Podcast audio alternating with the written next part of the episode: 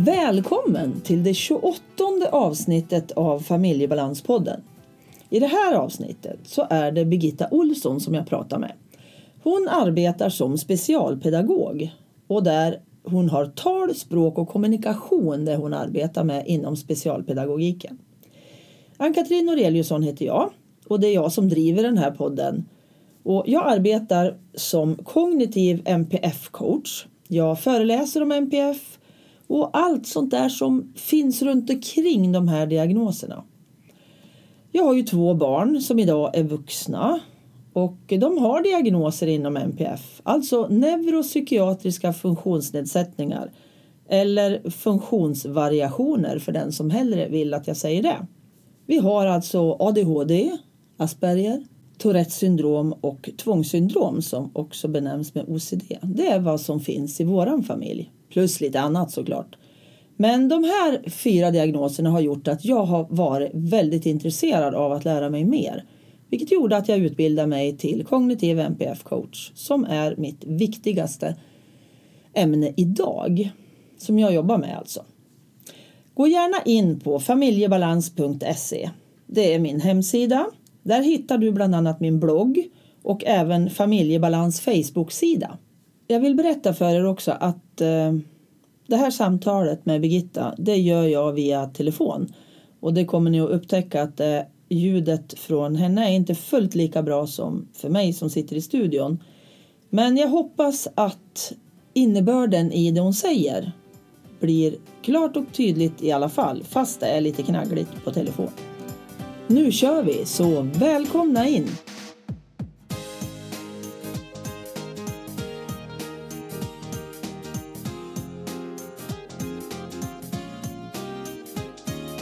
Välkommen Birgitta!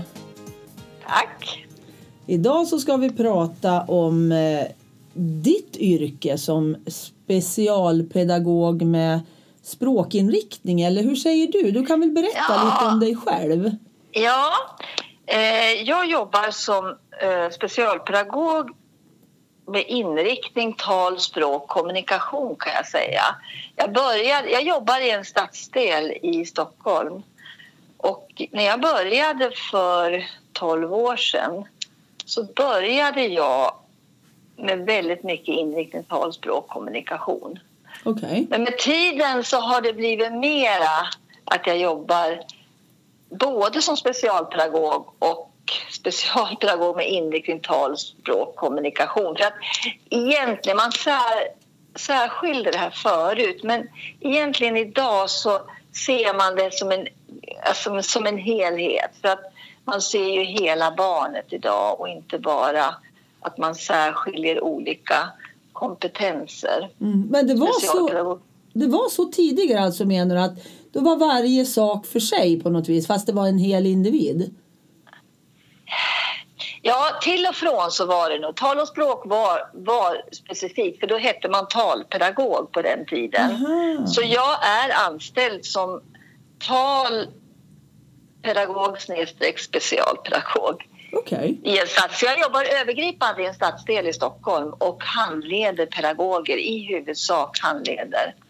Så jag träffar hela personalgruppen runt specifika barn och runt specifika frågeställningar som de behöver stöd och hjälp med.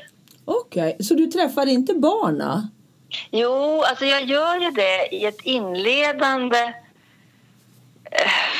inledande skede kan man säga, då, jag får ju en ansökan ifrån förskolan. Okej. Okay.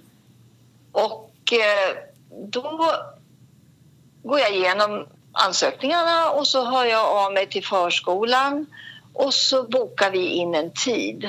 Och då kommer jag ut till dem och finns med i verksamheten. Och idag, och det, det tycker jag har blivit en väsensskilt från när jag började för som specialpedagog för 17 år sedan, då var man så in, inriktad på barnet. Idag är man mer inriktad på... Då gick jag ut och gjorde barnobservationer. Idag går jag ut och gör observationer på miljön, hur den ser ut runt barnet, hur pedagogiken ser ut runt barnet, hur samspelet mellan vuxna och barn, hur samspelet är mellan barn, barn det här Okej. specifika barnet är i centrum ändå Mm. när jag får ansökan. Men jag ser på så mycket mer. För att barnen, alltså barnen är ju inte, de blir, i, de blir olika i olika situationer. Mm. Olika sammanhang. Så jag kan väl säga att jag ser mer till sammanhanget idag än till det enskilda barnet. Men Okej. frågeställningen är alltid utifrån ett enskilt barn. Ja. Så jag tycker specialpedagogik har verkligen förändrats under de här åren. Okej. Och nu ser vi bara till, kan man säga, i första hand till styrkor och kompetenser och förmågor. Och inte till bristerna som man gjorde förr, så vad barnet inte kan, utan nu ser vi mer vad barnet kan. Okej. Så jobbar vi i förskolan. Mm. Ja, det är upp till vilken ålder, vilken ålder är det på barnen som du... Jag har från ungefär, eller först nu faktiskt så börjar det krypa ner ansökningarna. Tidigare var det från tre, men nu börjar jag få barn som är runt två och upp till sex. Okej, vad beror det på? ibland. Mm. Ja, men fortsätt du. Jag avbröt dig där. Nej, till sju, alltså det är från ja, upp till sju ungefär. Då. Ja, upp till Ja. skolan alltså. Ja, det är upp till skolan, hela förskolan Ja. träffar jag barnen. Ja. Precis. Men alltså vad, vad, är, vad beror det på tror du att det har att det kommer in yngre barn nu som du får titta på? Alltså dels är det ju fler barn som går i förskola som de inte gjorde tidigare. Mm. Men sen är det ju också det att trenden går ju till att man ska ha tidigare upptäckt som man säger. Man vill, man vill försöka stödja de här barnen så tidigt som det går. De här barnen, ja de barn som är mina barn eller vad jag nu säger, barn som är i behov av särskilt stöd. Ja. Ja. ja, men det är ju Så. oerhört viktigt tänker jag med det här med tidiga upptäckter. ja, det är ju det. Men det ska upptäckas på rätt sätt. Ja. ju, man måste ju upptäcka barnet i det här sammanhanget och vad vi vuxna kan göra för barnet och inte kanske vad, att man pekar ut det barnet att det är avvikande på något sätt utan barn, alltså good enough, alla barn duger som de är Ja. men att vi måste, vi vuxna måste ändra oss runt barnet. Vi kanske måste ändra på den pedagogiska miljön. Vi kanske måste ändra på våra gruppkonstellationer. Vi måste kanske ändra på vår verksamhet på olika sätt för att barnet ska känna sig inkluderat. För det är ju någonting som är väldigt viktigt inom läroplanen idag, inkludering. Mm. Alla barn, alltså det är en förskola och en skola för alla barn. Mm. Och då får vi se till att vi ordnar det så det blir för alla barn också. Mm. Och det är ju vi vuxna då som har det ansvaret. Absolut. Absolut. Vad härligt det är att höra och lyssna när du, när du berättar så här. Jag blir så varm i hjärtat som, eh, Ja, och det här att vi verkligen behöver se. ja, alltså vi behöver se, vi behöver se barns... Alltså man använder ofta ordet sårbarhet idag istället för avvikelse eller Ja. Barn är olika sårbara och barn är olika sårbara i olika sammanhang och olika miljöer också. Ja, Barn och, kan ju vara mer sårbart i en miljö och så inte sårbart i en annan miljö. ja, och det är ju lite så tycker jag att det är vi ju till mans hela livet så är vi ju Ja. olika i olika miljöer. Absolut. Det är ju inte så konstigt om vi redan som barn är det. Det tycker jag är en självklarhet egentligen som inte har funnits med. Barn har varit barn och så var det inget mer med det. Nej. Men att nej. de är ju lika mycket individer som behöver lika mycket som vad vi gör när vi blir äldre. Och sen rör sig barn i olika, olika miljöer idag också. Man är hemma, man är på förskolan, man är kanske hos mor och farföräldrar. Och man, ja, och man kanske är i två olika familjer också. Ja. Men, är... men när du blir tillfrågad då att, eller det kommer in ett ärende till dig, vad, vad kan det handla om? Hur kan det se ut liksom? Ärendet kan vara, det kan vara tal, språk, kommunikation. Det kan vara samspel, väldigt mycket samspel har jag. Sam, socialt samspel. Barn som inte interagerar socialt med andra barn och inte med vuxna utan har svårt i kommunikationen helt enkelt. Mm. De, de, Mm. alltså har, de har svårt alltså att vara tillsammans med andra, eller? Svårt, att, svårt att vara tillsammans med andra, drar sig gärna undan. Eh, och det är ju helt, det är en rättighet vi har att få dra oss undan. Mm. Men det finns ju också så att när det tar över att det här barnet inte finns med i den vardagliga aktiviteten på något sätt utan den, den håller sig för sig själv. Då man försöker att jobba på olika sätt för att få med, få med barnet i socialt samspel men det funkar inte och då, det får jag väldigt mycket uppdrag runt. Mm. Men hur, hur, du säger tal, språk och kommunikation säger du. Ja, ja. Kan du specificera dem mer? Liksom? Vad är tal, vad är språk, vad, vad ser man som kommunikation? För att göra det tydligt liksom. För tal och språk är ju samma sak tänker jag för många människor. Ja. Men det är ju två helt olika saker. Ja, det är väldigt olika saker. Ja. Kommunikation kan vi börja med, det är basen till alltihopa. Mm. För kan du inte kommu- kommunicera så har du väldigt svårt också att få ett språk. Att komma in i en dialog, det kräver ju rätt så mycket. Du ska, skulle du och jag prata på en gång, vilket vi har gjort några gånger nu, det är lite svårt, men alltså, då blir det ju gärna så att då blir det ingenting. Utan man måste ju vänta på den andra. När den pratar så måste man ju vänta och vara tyst. Och sen när den tystnar då kan jag prata. Mm. Det är det här med turtagande och dialog. Det är ju en sån grundprincip inom kommunikationen. Till exempel att lyssna på andra till exempel. Mm. Det är också väldigt viktigt. Eh, titta på den jag pratar med. Eh, att jag försöker ta initiativ med andra människor. Att jag söker, söker den personen med blicken. Det är det här med icke-verbal kommunikation som man säger. Mm. Sen kommer du till språket i nästa steg och det är när barnet vill börja bilda ord. Och det gör man ju, ja, det är så olika Mm. hur gamla barnen är. Men, men när de börjar komma igång och prata då blir det att man använder sig av språket.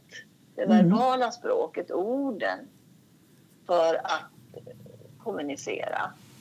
Sen, det som är absolut det minsta problemet och som man många gånger ser som det största det är ju uttal och tal. Okej.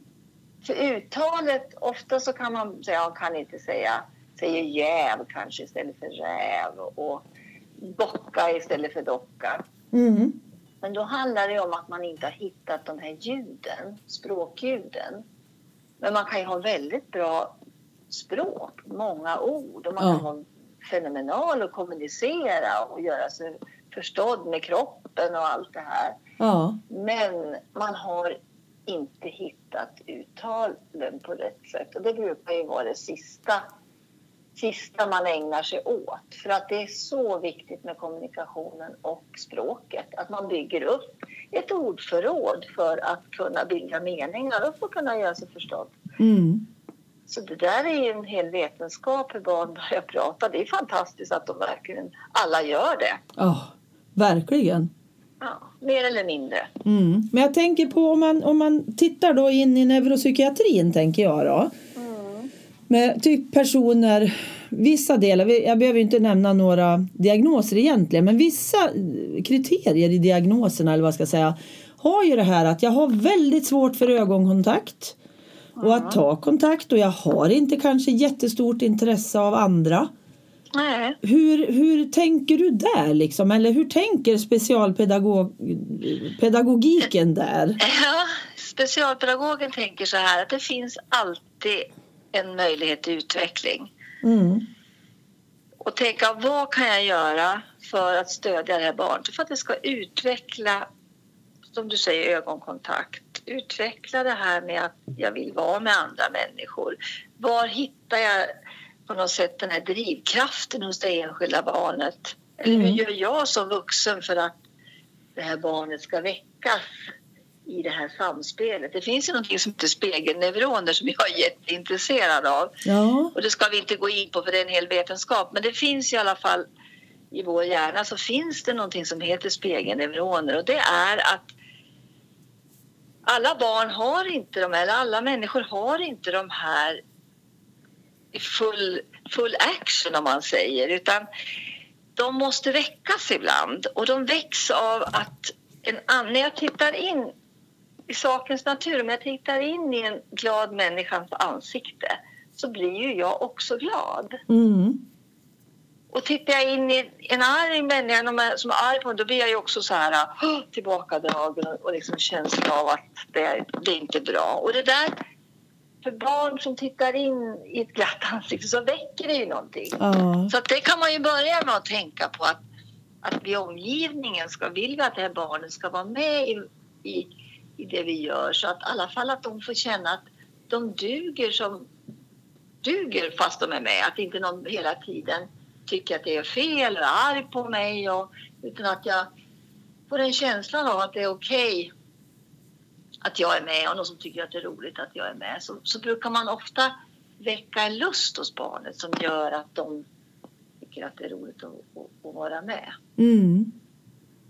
Så det är liksom, tänket är där tänker jag då, att eh, locka in och bjuda in och Ja, visa locka in. Ja, på ett sätt som gör att barnet blir intresserat. För det börjar ju alltid hos oss vuxna. Ja. Hur intresserade är vi vuxna av det här barnet? Och är vi intresserade av barnet så blir barnet intresserad av oss. Och är vi, lyssnar vi på barnet så lyssnar barnet på oss. Ja. Det börjar ju alltid med oss. Ja. Så vi måste tänka hur vi beter oss. Och det är absolut så viktigt med barn som har det här med samspelsproblematiken, att de har svårt att kommunicera. Då, då är det extremt viktigt att vi ägnar oss åt det här. Mm. Vi, ja. vi får Precis. skriva det med jättestora bokstäver, alltihop det här. Vi får göra mycket mera Ja, för att väcka deras lust. precis.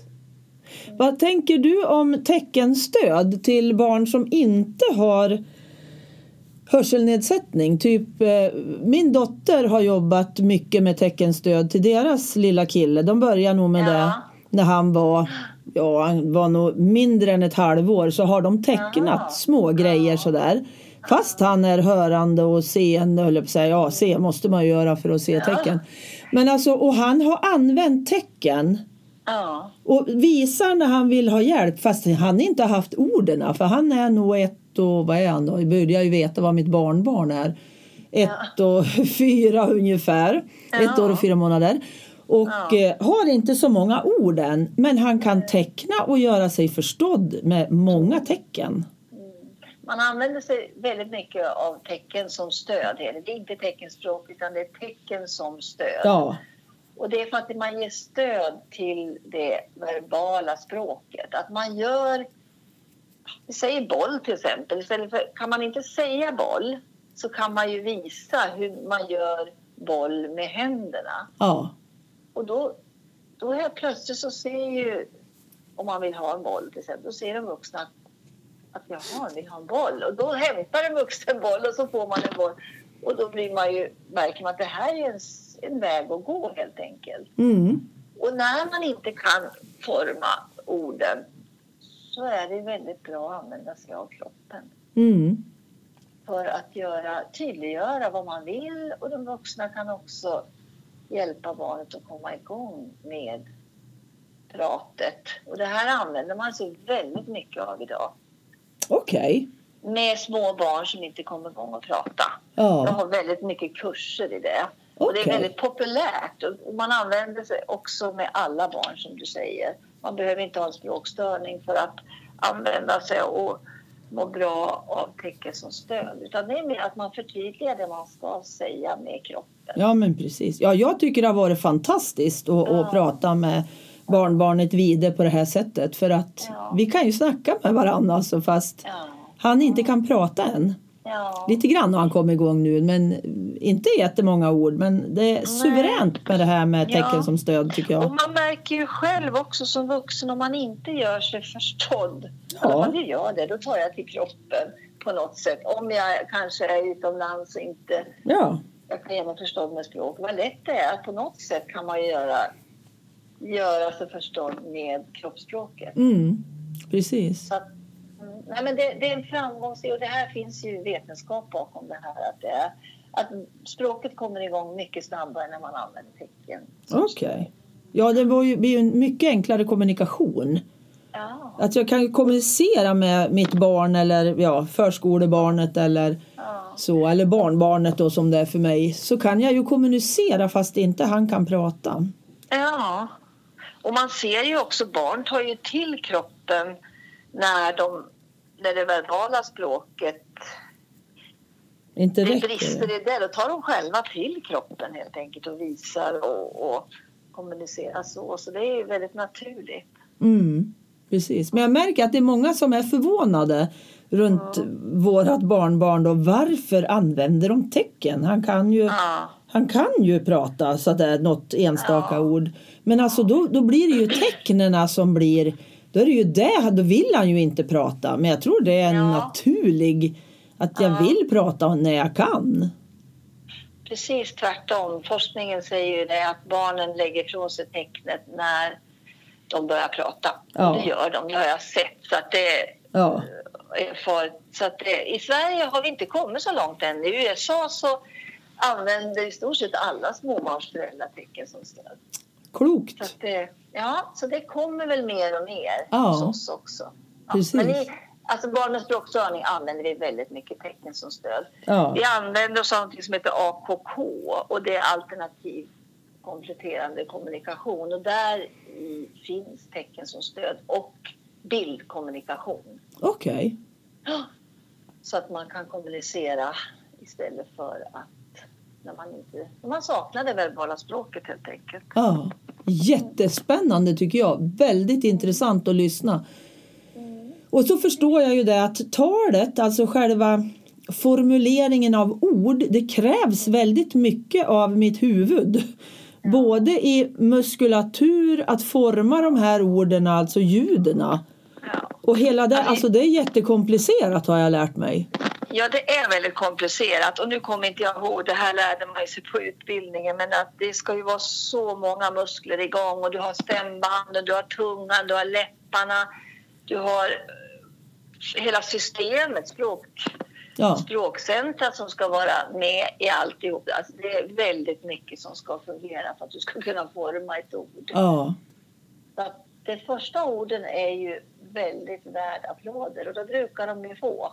Vad sa du väldigt, vad sa du där? Var väldigt, Den är värd applåder när barnen Ja. säger sitt första ord och det får de ju i regel mycket. Då, man får mycket uppmärksamhet som barn när man säger sitt första ord. ja, Och ofta är det ju mamma eller pappa och det är inte av en händelse utan barnet börjar att forma orden och sätta ihop vokal och konsonant. mhm, Ma, ma och pappa, de, alltså de ljuden bildas fram i munnen och det är också det första ja just det. i språket i ljudutvecklingen. Så att, eh, och så vokal och konsonant och så sätter de ihop de här som en, en radda av ljud och sen så hör ju mamma eller pappa det. Och då blir de jätteglada och då Mm. blir barnet jätteglad för att de har gjort någonting som mamma och pappa blir glada och så fortsätter de med de här ljuden och då är mamma och pappa född där. Ja, Så, ja. precis. Okej. Intressant, för det hade jag inte lyckats få till mig. Att det är just Nej. därför att det är fra, längst fram i munnen. Det var ju såklart. Det måste ju vara det som är enklast först liksom. Mm. Intressant. Det är Men- så logiskt egentligen. Ja, visst. Men jag tänker så här att sen då när du har fått in en, en, en anmälan eller heter det så? Ansök. ansökan om att någon behöver hjälp.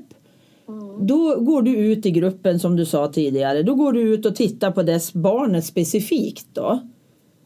Det barnet specifikt utifrån det sammanhang det befinner sig i. Ja, Så jag får alltid en personlig ansökan. ja, Eller jag inte alltid. Ibland får jag ju också ansökningar på pedagoger som vill ha hjälp. Det kommer mer och mer och det är jag glad att det är så. De får ansökningar om eh, Att de vill ha hjälp och stöd i deras arbete. Tycker du att vi gör på rätt sätt i förhållande till det här Ah. barnet?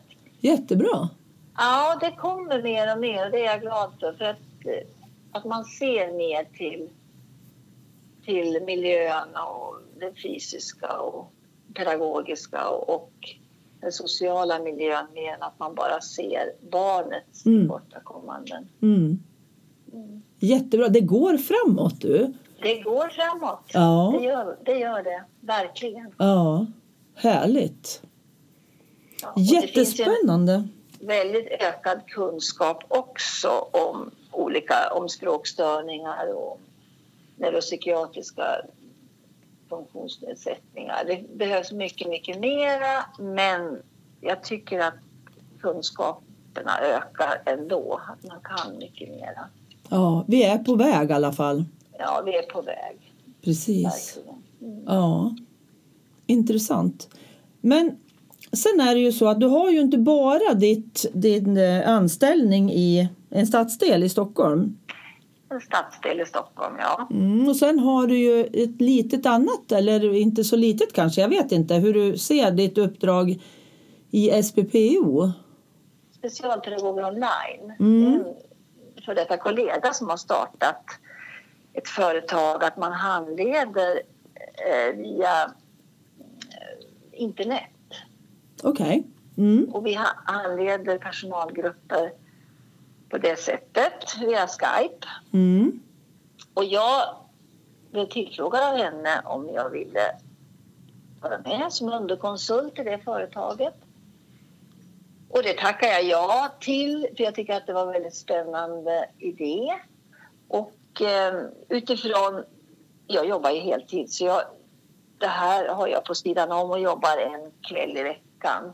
Det är vad jag gör just nu Okej.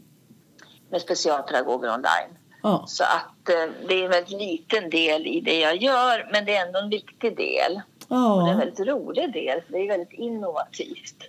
ja, men Helt precis. nytt sätt att tä- tänka, för det finns inte. Det finns bara det här specialpedagoger online, vad jag vet. Ja, nej, jag har inte sett något sånt heller. Nej. Nej. Så. Men då får man gå in på deras eller eran hemsida då, sppo.se och göra en Ansök. ansökan eller hur funkar det? Ja, man får gå in på hemsidan och sen så kan man, där ser man hur man går vidare. Ja, Ja. precis. Mm. Spännande att vara med i ett uppstartsskede. Mm, det är det. För jag tror det här är väldigt viktigt för alla skolor har ju inte specialpedagog anställd. Nej, man har ju gjort lite besparingar där som man har dragit in på både i skolan och förskolan. Ja. Och då är ju det här ett väldigt bra, en bra möjlighet att få ändå ta del av specialpedagoger men i begränsat att jag behöver inte anställa någon då istället. Nej, nej, utan vi tar ju då ett abonnemang som, som det heter och då och vi kan ju, vi kan ju handleda hela, hela Sverige. Det är ingen begränsning så, någon lokal begränsning utan vi kan ju, vi kan ju till och med om det finns någon förskola i något annat land eller skola så kan vi ju handleda där också. Så Mm. vi Precis. är under uppbyggnad. Ja men precis, väldigt spännande tycker jag som också har fått vara med på vägen här fram när Maria startade och sådär fast jag står utanför men ändå så har jag en inblick i det. Ja, Jag får ju dessutom använda studion som ni har här i Hudiksvall. ja just det. Får ju jag ha tillgång till nu när jag sitter här och pratar med dig sådär. Och här har jag ett så mycket bättre ljud. Ljudbilden blir bättre här för Ja. mig. Nu pratar ju vi i telefon så att din röst blir ju lite ihåligare när vi Ja. har det på telefon. Men eh, så får det vara ibland. Det är ett viktigt budskap och eh, jag ville att eh, vi skulle prata med varandra i alla fall fast du var på telefon och från Stockholm. Så att eh, det får vi ta. Mm. Är det någonting mer som du känner att du skulle vilja berätta utav i, i din, ur din värld liksom i talspråk och kommunikation? Ja, det är jättemycket man vill prata om förstås, men vi har ju begränsad tid så att jag tycker att det var trevligt att prata med dig och eh, ja, sprida ut det här Mm. budskapet att vi som specialpedagog i förskolan, att man jobbar mer med det som bär istället för det som brister. Ja, precis. Titta på det som fungerar och gör mer av det. Mm. Precis. Det är det de små barnen behöver för att vi ska inte peka ut några barn som avvikande när man är så liten utan, Nej. utan vi ska se mer vad vi kan göra runt barnet så att, så att de känner sig inkluderade Ja, i den förskola där de befinner sig. precis. Jätteviktigt. Oerhört Sen vill jag ju också säga att det är väldigt viktigt att ha, ha samarbete med föräldrarna. För att det är viktigt att för alla föräldrar vet om att jag kommer ut i förskolan när det gäller specifikt barn. Så Ja, att vi gör ju ingenting där inte föräldrarna vet vad vi gör. Och eh, att vi också berättar väldigt noga vad jag kommer fram till och, och ofta skriver man en handlingsplan och då får ju också föräldrarna vara med där och tycka till. ja. Tycker att det okej det vi, hur vi har tänkt. ja, och även berätta kanske sin del i det. Som, Exakt. ja, vad, vad de har sett och, och ja, lite sådana saker tänker jag. Det är Ja. alltid bra med samarbeten. Jag tänker ju på samverkan jämt när det handlar om Ja, någonting som vi behöver titta på tillsammans. Då behöver Ja. vi verkligen vara tillsammans och inte liksom börja kriga någonstans att nej det tycker jag inte om mitt barn eller ja det tror jag väl inte Ja. att mitt barn har något fel. Nej. Och det handlar ju inte om det utan vi ska ju Nej. hjälpas åt. Och jag tror också sådär att det beror på hur man lägger fram saker. För lägger man fram det som att ja, barnet har ett fel. Mm. Det är inga barn som har något fel. Alla barn räcker som de är. Ja, Så att vi måste ju också se till, men däremot så kanske vi måste tänka hur vi kan tänka om för att tänka rätt runt det här barnet. mm.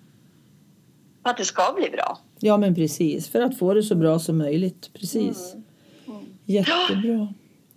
Då tackar jag dig Birgitta så himla mycket för att du var med. Det har varit Ja. så intressant att lyssna på dig. Ja, vad trevligt. Jättekul. Så Ja. jag säger hej då till dig.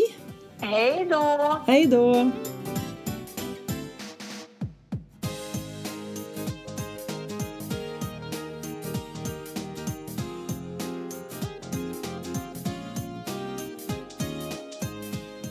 Tack till dig som lyssnat. Tack till Pelle Zetterberg för musiken, Pernilla Wahlman som fotade, för Marcus för att du fixade min poddlogga och naturligtvis till Anders som redigerar mitt prat varje gång jag har spelat in ett avsnitt. Hoppas vi hörs igen. Och förresten höll jag på att glömma. Tack SPPO för att jag vara, får vara i eran studio. Ha det gött så hörs vi igen. Hej då!